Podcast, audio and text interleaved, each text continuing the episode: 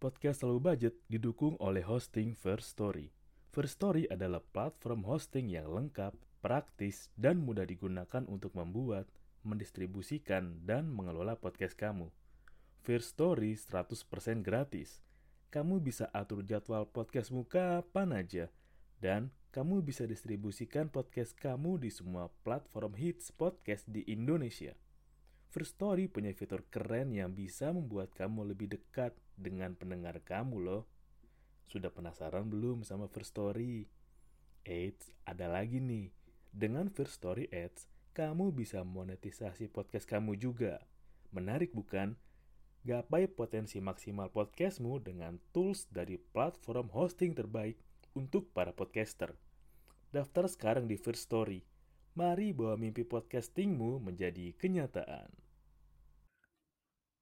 Yo, halo semuanya. Selamat datang di Siniar Low Budget. Nggak harus mahal untuk nikmatin hidup barengan sama gue, Doni Wijaksono.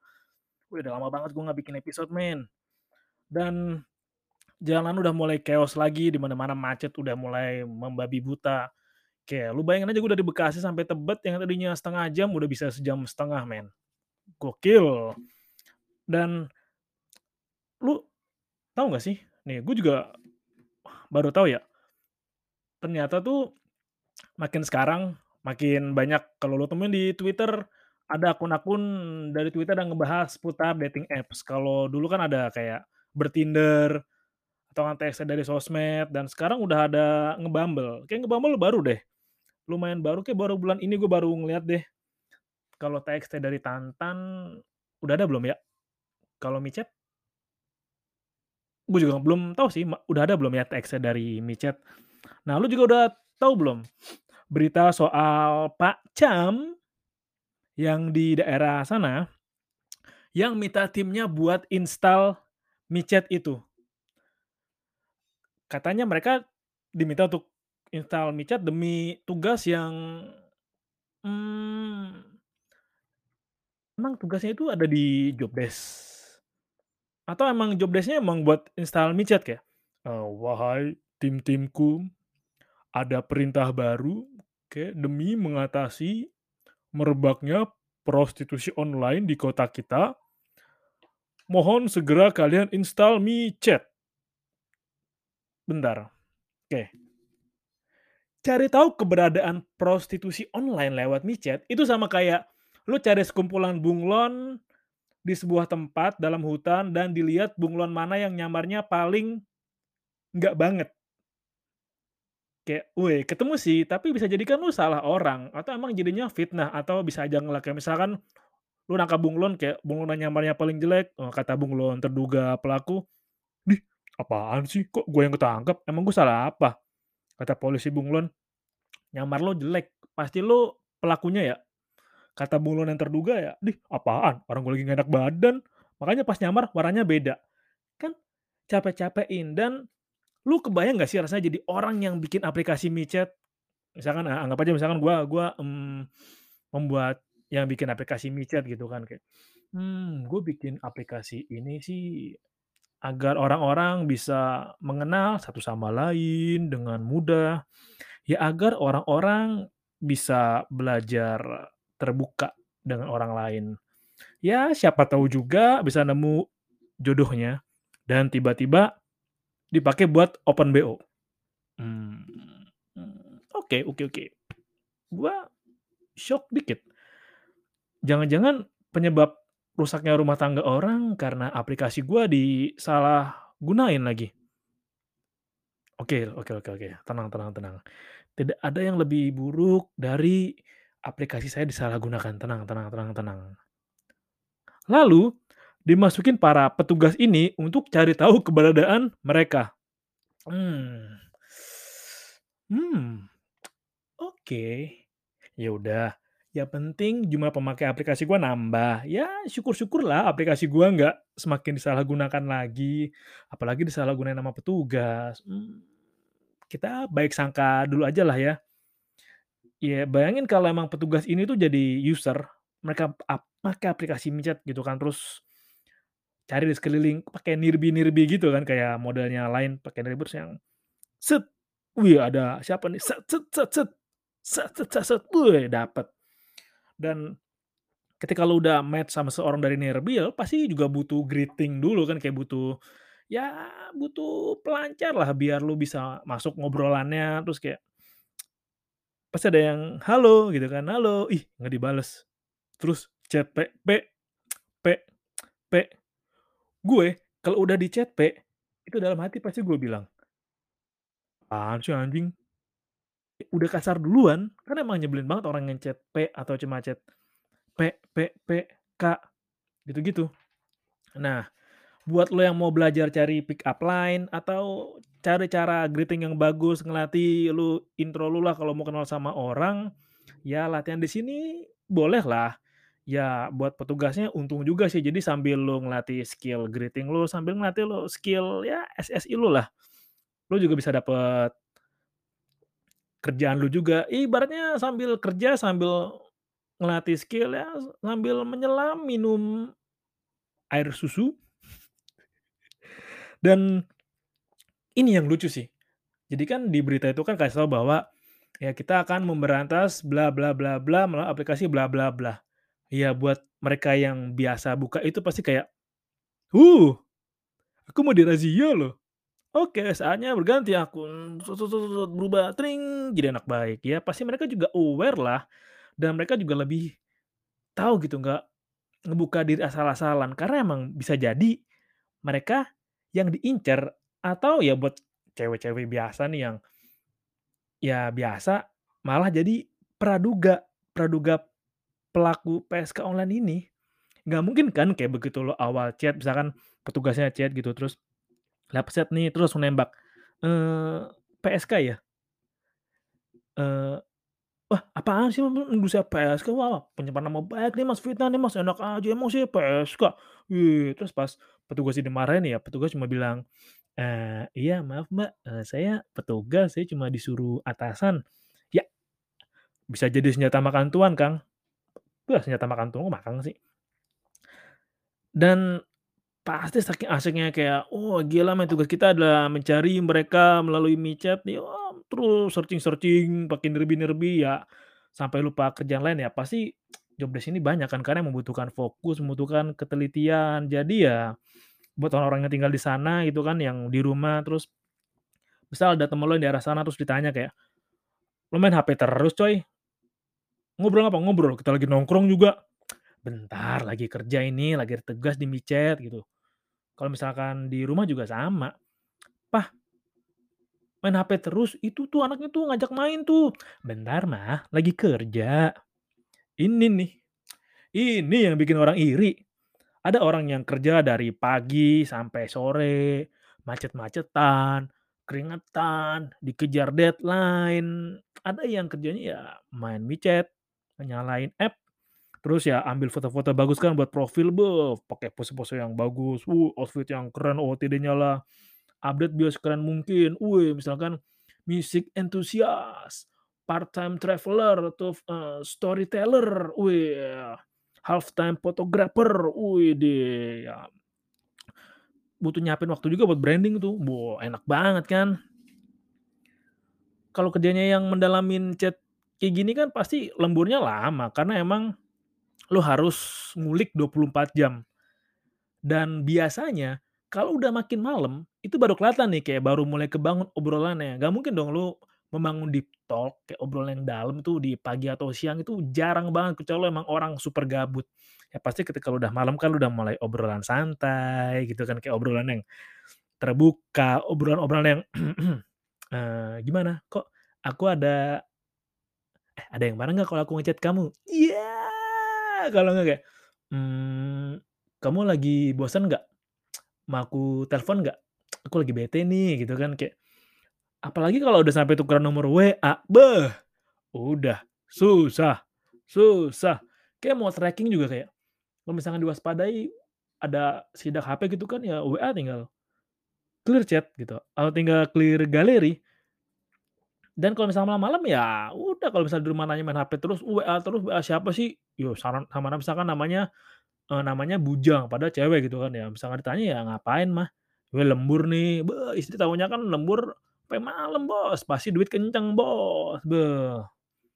Nah, kalau misalkan lu dari pick up line ke cewek dan udah ditolak, kayak misalkan gini, kayak ada mmm, pasti juga lu butuh adaptasi kan ketika lu mau mengulik seorang ya, mau lu misal lu cewek ngulik cowok atau cowok ngulik cewek, pasti juga butuh pick up line, terus kayak misal lu udah ngobrol-ngobrol tapi nggak sefrekuensi, terus misalkan lu ada petugas nemu ter terdugalah dia mau ngulik kan, ngobrol-ngobrol tapi nggak nemu feel-nya, nggak dapet frekuensinya, terus nggak nemu nih, duh gimana nguliknya? Kok pertanyaannya tutup terus, kok cuma jawabnya satu kata, "Iya," "Enggak," "Hehe," "Makasih," "WK WK," "BSAJ," gitu.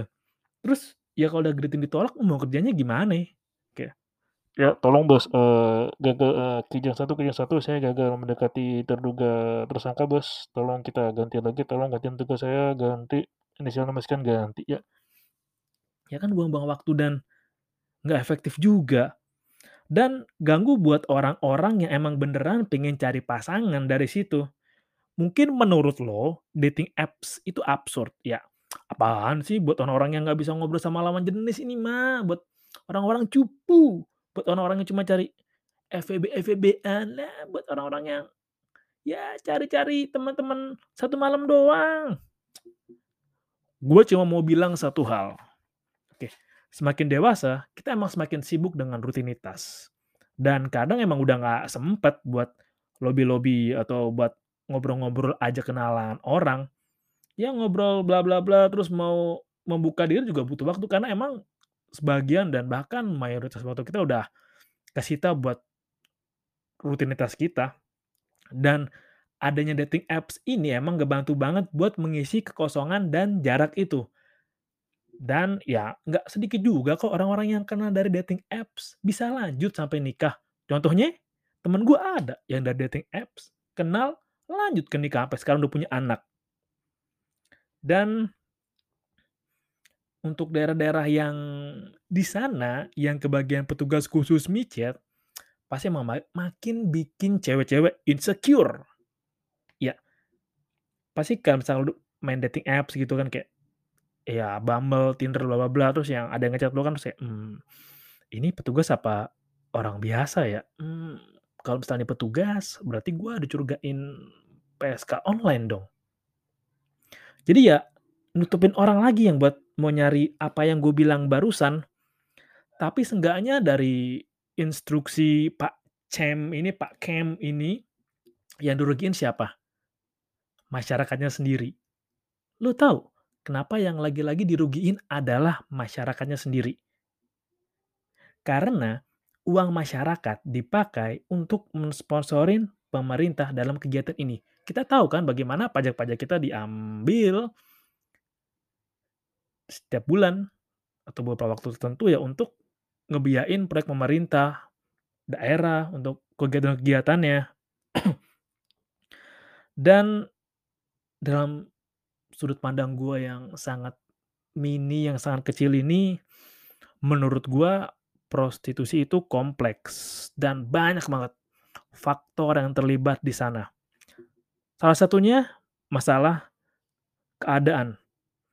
Bisa jadi emang karena keadaan mendesak, kayak, "Aduh gue nggak ada pilihan nih, kayak gue nggak ada kemampuan." Kita nggak pernah tahu kan keadaan mendesak, misalkan kayak ada suami istri yang nikah, terus suaminya sibuk main game terus, tiba-tiba istri diceraiin lah, suami nggak kerja, istri nggak kerja, udah punya anak, masih bayi, butuh pampers, butuh susu, dan orang tua masing-masing juga nggak peduli dan ada juga orang tua yang, "Aduh gue nggak sanggup nih buat beli anak susu karena buat makan sehari-hari aja udah ngepas." Karena keadaan, bisa jadi karena keadaan ya, orang itu mau nggak mau, eh, dengan berat hati dan sangat berat menjajakan dirinya. Karena apa? Karena demi anaknya. Bisa jadi kan? Dan pasti ada juga ka kejadian yang gue contohin barusan. Dan berikutnya soal keinginan. Yang pasti ketika lu tahulah PSK online juga harganya lumayan, bisa aja emang keinginan supaya lu bisa punya uang cepet dan uang yang banyak. Ya walaupun ya di era sekarang sih siapa sih nggak mau punya duit banyak dan cepet. Kayak, ya sehari nih modal berapa kalian, ya modal sejam-sejam dapet Rp500.000, Rp500.000 gitu kan, atau ada ada ada yang ya DC-nya ya 300 belum include kamar atau ada yang udah sejuta free kamar, caps, bla bla bla gitu kan ya. Sehari misalkan ST satu kali ya gua to the point aja deh, satu kali keluar satu kali misalkan 3 jam sekali keluar, rate-nya 450 bersih belum masuk kamar. Kayak kalau dibuka berapa kali sesi dalam sehari bisa ngantongin banyak dan siapa yang gak tergoda dengan keinginan untuk bisa punya uang cepet dan banyak. Dan menurut gue salah satu yang krusial adalah ketersediaan pilihan. Emang kita tahu persaingan pekerjaan itu ya semakin sekarang emang semakin ketat. Ketat parah. Saingan lo udah bukan cuma anak muda lagi. Kesaingan gue aja jangan-jangan saingan gue udah anak SMA yang baru lulus. Atau mungkin bisa juga saingan lo tenaga kerja asing atau dari masyarakat ekonomi Asia juga. Dan ditambah lagi banyak banget orang yang bisa ngelakuin hal yang sama kayak lo kayak kita tahu bagaimana banyak banget numpuk alumni-alumni sarjana-sarjana let's say kayak akuntansi, keuangan gitu-gitu kan, manajemen, bisnis banyak banget dan secara nggak langsung mereka juga kompetitor kita kalau kita lagi nyari kerja atau pas lagi di kerjaan juga. Ya karena kita bisa digantiin siapa aja kapan aja kecuali emang skill bener-bener sangat skillful, sangat langka dan nggak semua orang bisa. Dan di sini berarti tantangannya adalah sebuah pemerintah kota atau daerah mampu menyediakan pilihan yang banyak untuk masyarakatnya sendiri. Gue bisa kasih saran, ya saran dari gue sebagai pemula adalah bagaimana pemerintah menyediakan fasilitas pemerintahan yang bisa mengangkat nilai dari kota itu sendiri. Kayak misalkan diperbanyak Oke, ini kalau nggak salah planologi ya, kalau nggak salah ilmu tata kota itu planologi. Jadi kota itu, ya bagaimana kota dirancang untuk tempat manusia bukan buat kendaraan ya, dibangun fasilitas publik kayak banyak balai-balai, kayak banyak taman, ruang kumpul, tempat edukasi, dibikin perpustakaan yang bagus, tempat parkir yang bagus, angkutan umum yang bagus. Nah, secara nggak langsung adalah ketika pemerintah menyediakan fasilitas perencanaan tata kota yang bagus, bisa membuka lapangan kerja yang bagus sehingga yang diserap adalah tenaga kerja warga-warga asli dari sana. Jadi secara nggak langsung pemerintah menyediakan tempat sumber daya masyarakat ada dari kita sehingga orang-orang di daerah itu nggak ke mana-mana tetap mengangkat daerah itu.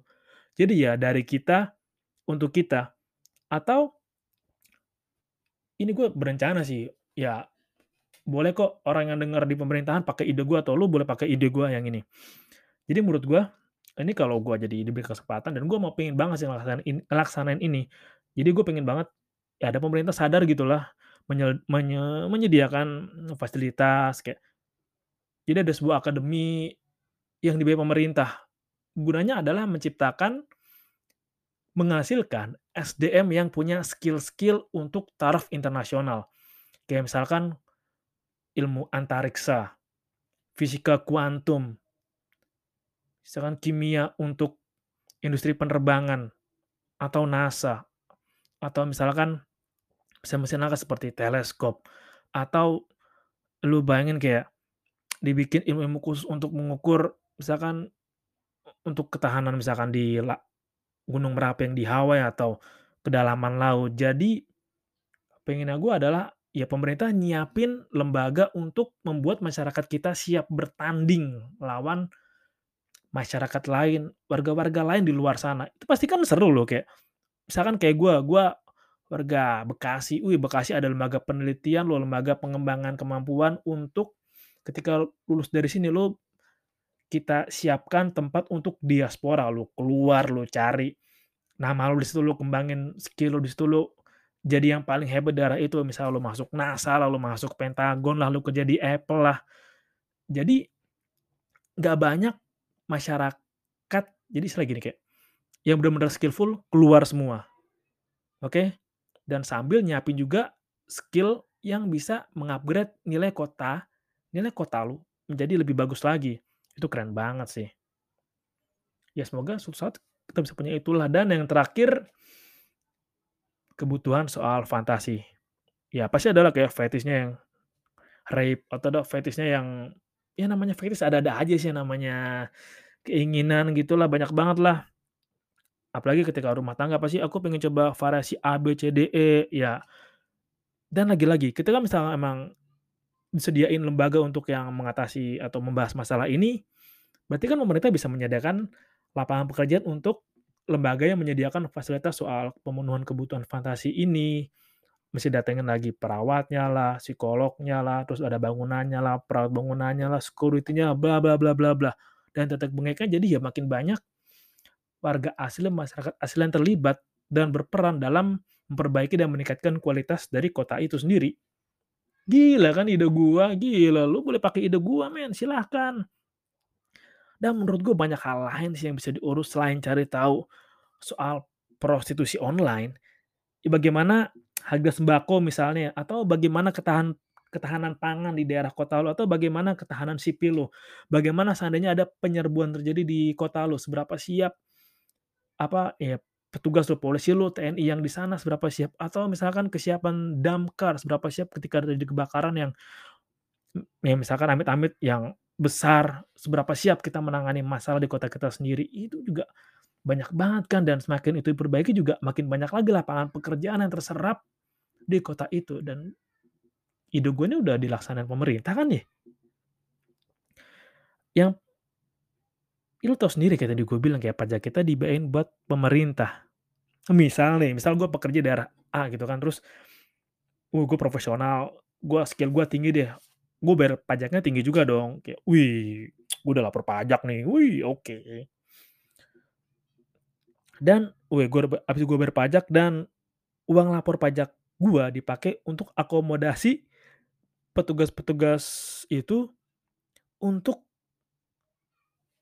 melaksanakan tugasnya memeriksa prostitusi online itu lewat micet buat mereka beli kuotanya. Kalau mereka mau buka micet kayak woi jalanan depan rumah gua aja udah lama berlobang nggak dibenerin nih. Ah bentar cari lubang yang lain dulu. Lah lubang yang lain? Nah ada satu pernyataan menarik yang gue baca dari artikel ya detik Jatim kalau dulu ada lokalisasi dan telah ditutup. Sekarang marak dan bisa ada di mana-mana. Ini tidak bisa dipungkiri dan warning bagi semua. Ada kata-kata menarik di sana. Kalau dulu ada lokalisasi dan sekarang telah ditutup. Menarik banget sih kayak gue bahasnya, tapi kayak hmm, tidak aman kalau gue bahas di sini ya. Gue juga yakin banget sih ketika mereka ya petugas itu ber tugas bisa langsung terjadi obrolan yang cair di antara mereka kayak iya yang pasti ditugasin rata mereka udah berkeluarga atau dewasa ya dewasa awal menengah lah dewasa menengah ke akhir kali ya. Emang lu pernah lihat gitu ada bokap-bokap?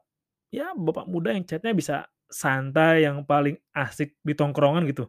Kayak bokap-bokap juga kalau balas chat? Ya oke. Okay. oh oh sip di mana? Iya. Ya, apa yang lo mau dari chat-chat singkat itu dan berharap chat-chat itu bisa berubah tiba-tiba chat yang mengalir dan orang-orang bisa jadi yang paling asik di tongkrongan yang bisa paling wow, yang paling atraktif.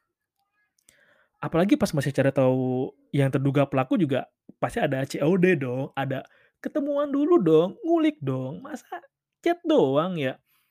Misalkan lagi di rumah gitu kan, hari ya hari Sabtu terus di rumah gitu ya, rapi, pakai sepatu sneaker, kaos oblong, kemeja flannel, ya jeans biru, pakai topi snapback, terus ya istri nanya kan, "Mau ke mana Pak?" "Tugas Bu, ada tugas lapangan dari kantor." Padahal mah COD micet. Bayangin tuh kejadian di rumah lu, amit-amit, gila. Yang terjadi, beh, lewat perang Rusia sama Ukraina. Dan belum lagi biaya akomodasi COD-nya lu kira ketemuan tuh juga nggak butuh akomodasi.